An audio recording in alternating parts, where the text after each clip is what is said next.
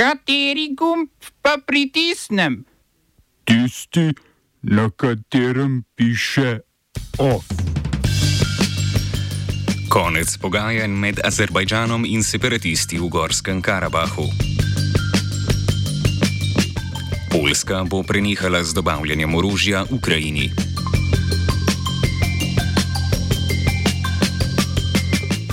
Indija prekinila z izdajanjem vizumov kanadskim državljanom.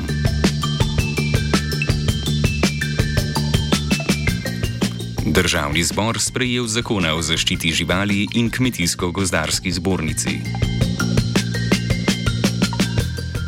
V azerbajdžanskem mestu Jevlah so se zaključila prva pogajanja med separatističnimi oblastmi Gorskega Karabaha oziroma Republike Arcah in Azerbajdžanom. Azerbajdžan je v sredo razglasil zmago v vojaški operaciji, ki jo je azerbajdžanska vojska v torek začela, da bi iz etnično-armenske enklave izgnala armenske vojake. Armenski veleposlanik pri Združenih narodih Andranik Houhavsjan je Baku obtožil izvajanja etničnega čiščenja v Gorskem Karabahu. V armenski prestolnici Erevan je medtem več tisoč ljudi protestiralo proti premirju med armenskimi separatisti in Azerbajdžanom. Zahtevali so odstop premijeja Nikola Pašinjana, ta zanika, da bi lahko kakorkoli vplival na odločitve oblasti v etnično večinsko armenskem Gorskem Karabahu, ki po mednarodnem pravu pripada Azerbajdžanu. V zadnji vojni v enklavi leta 2020 je zmagal Azerbajdžan.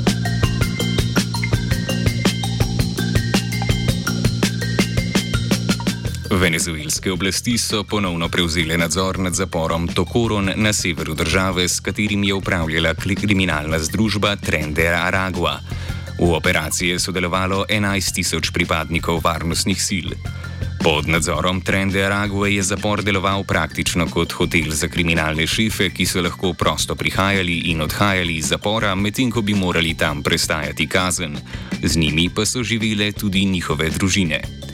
Prebivalci zapora so imeli na voljo banko, bazen, restauracijo, disko, kazino, igrišče za bejzbol in celo živalski vrt.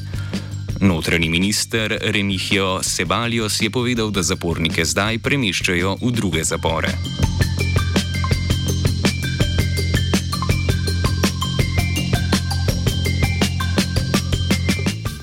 Poljski premijer Mateusz Morawiecki je sporočil, da Poljska ne bo več pošiljala orožja Ukrajini zaradi spora glede žita.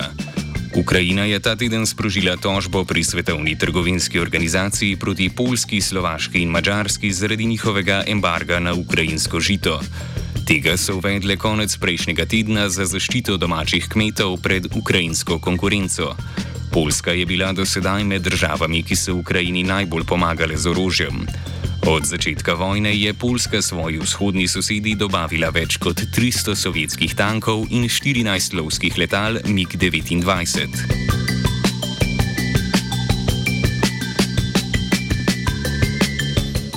Francoska policija je priprla in zaslišala novinarko Ariane Lavrie zaradi njenega poročila iz leta 2021, v katerem je razkrila sodelovanje francoske tajne službe z egiptovskimi oblastmi. Poročilo je navajalo, da je francoska tajna služba med letoma 2016 in 2018 Egiptu posredovala obveščevalne podatke, ki so jih egiptovske sile izkoristile pri bombardiranju in izvensodnem ubijanju tihotapcev na libijsko-egiptovski meji. Po objavi poročila je francosko ministrstvo za obrambo sicer uložilo tožbo proti nenavedenemu obtožencu zaradi kršenja državne obrambne tajnosti, preiskavo pa je pariško tožilstvo začelo julija lani. Novinarko so izpustili potem, ko je v priporu preživela eno noč.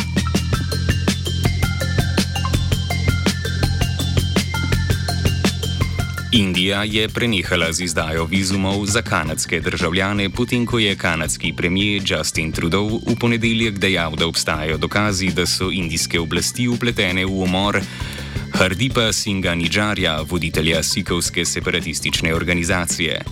Nidžar, ki se je zauzemal za ustanovitev sikovske države Kalistana v indijski zvezdni državi Punjab, je bil umorjen junija v Britanski Kolumbiji.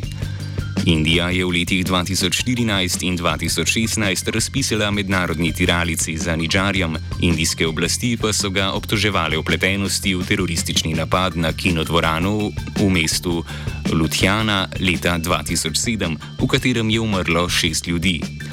Trenje med hindujskimi indijskimi oblastmi in sikovskimi separatisti sicer traja že več desetletij. Junija 1984 je indijska vojska po naročilu premijejke Indire Gandhi izvedla racijo na Zlati tempelj, eno najpomembnejših sikovskih svetišč, v kateri je umrlo več kot 5000 ljudi. Oktobra istega leta pa sta dva sikovska varnostnika izvedla atentat na premijejko Indiro Gandhi, kar je pripeljalo do novih spopadov v Punjabu, ki so terjali več kot 10 tisoč življenj.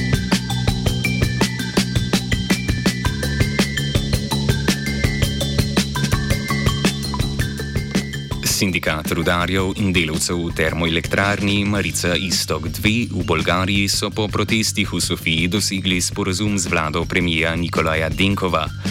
Sporazum med sindikati in vlado določa načrt za pravičen prehod na zeleno energijo z ohranitvijo delovnih mest za delavce v premogovni industriji. Predvideva ustanovitev državnega podjetja, v katerega se bodo rudarji v državnih premogovnikih in delavci v termoelektrarnah prezaposlili. Višina njihovih plač bo po prezaposlitvi ostala na enaki ravni, v novem državnem podjetju pa bodo imeli zagotovljeno zaposlitev do leta 2050.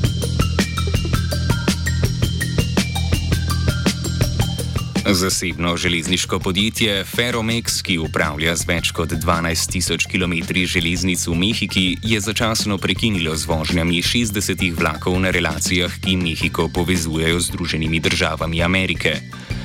Vožnje na relacijah je podjetje zaustavilo po več smrtih in poškodbah beguncev, ki so potovali s tovornimi vlaki. Podjetje bo zaradi večjega števila beguncev na meji ZDA uvedlo tudi sistem nadzora, s katerim bodo vsako uro ocenili, kdaj je varno nadaljevati s prevozom na progah. Smo se osamosvojili, nismo se pa osvobodili. Naslednje število je še 500 projektov izpiljene modele, kako so se strani nekdanje LDS rotirali. Ko to dvoje zmešamo v pravilno zmes, dobimo zgodbo o uspehu. Takemu političnemu razvoju se reče udar. Jaz to vem, da je nezakonito, ampak kaj nam pa ostane? Brutalni obračun s politično korupcijo.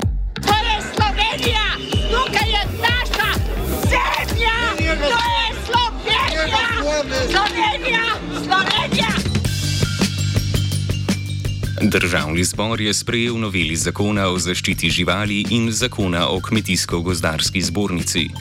Zakon o zaščiti živali določa ustanovitev prehodnih levov za odzete živali, mobilne klavnice in obvezni interni videonadzor v klavnicah. Zakon še prepoveduje uporabo živali v cirkusih in privezovanje psov. Za nadzor nad izvajanjem zakona bo zadolžena specializirana inšpekcija za zaščito živali. Ustanovitvi od veterinarske inšpekcije ločenega nadzora nasprotuje veterinarska stroka. Vodja Nacionalnega centra za dobro živali pri veterinarski fakulteti v Ljubljani, Ožbald Podpečan, je za Radio Slovenija po sprejetju zakona zatrdil, da je to v nasprotju z zakonom o inšpekcijski službi.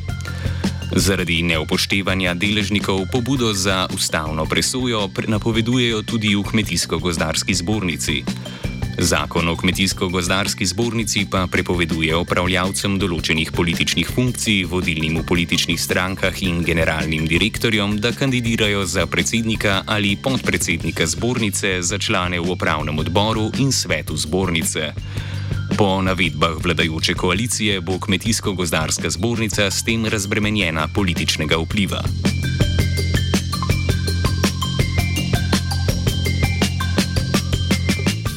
Državni zbor je potrdil tudi znižanje državnega kritja prispevkov za socialno varnost verskih uslužbencev z ukinitvijo lanske uredbe, ki je določila kritje prispevkov v celoti za uslužbence verskih skupnosti s priznanim statusom splošno koristne organizacije. Hkrati pa je spremembo zakona o verski svobodi državni zbor verskim uslužbencem zvišal zakonodajno določeno višino državnega kritja prispevkov z 48 na 60 odstotkov.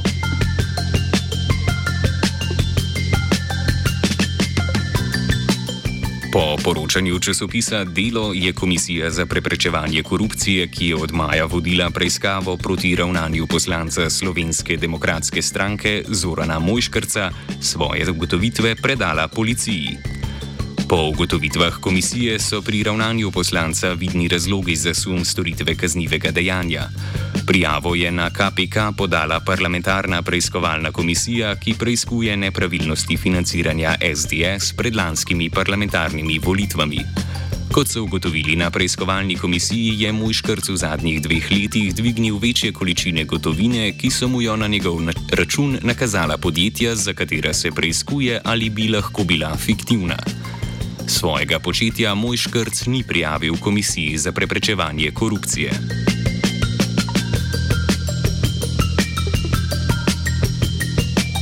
Radio Capris in Radio Hit je za več kot milijon in pol evrov na dražbi kupil podjetnik Dalibor Kosmina, ki ima v lasti tudi Radio Obala.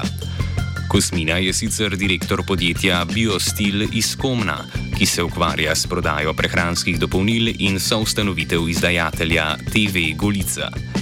Pred tremi leti je prek podjetja Biovi sodeloval tudi pri dobavi zaščitnih mask za vodo Republike Slovenije za blagovne rezerve v vrednosti dobrega milijona evrov. Po poročanju Radia Koper je Kosminov Radio Obala sicer povezan z medijskim imperijem Martina Odlaska. OF je pripravil Matej.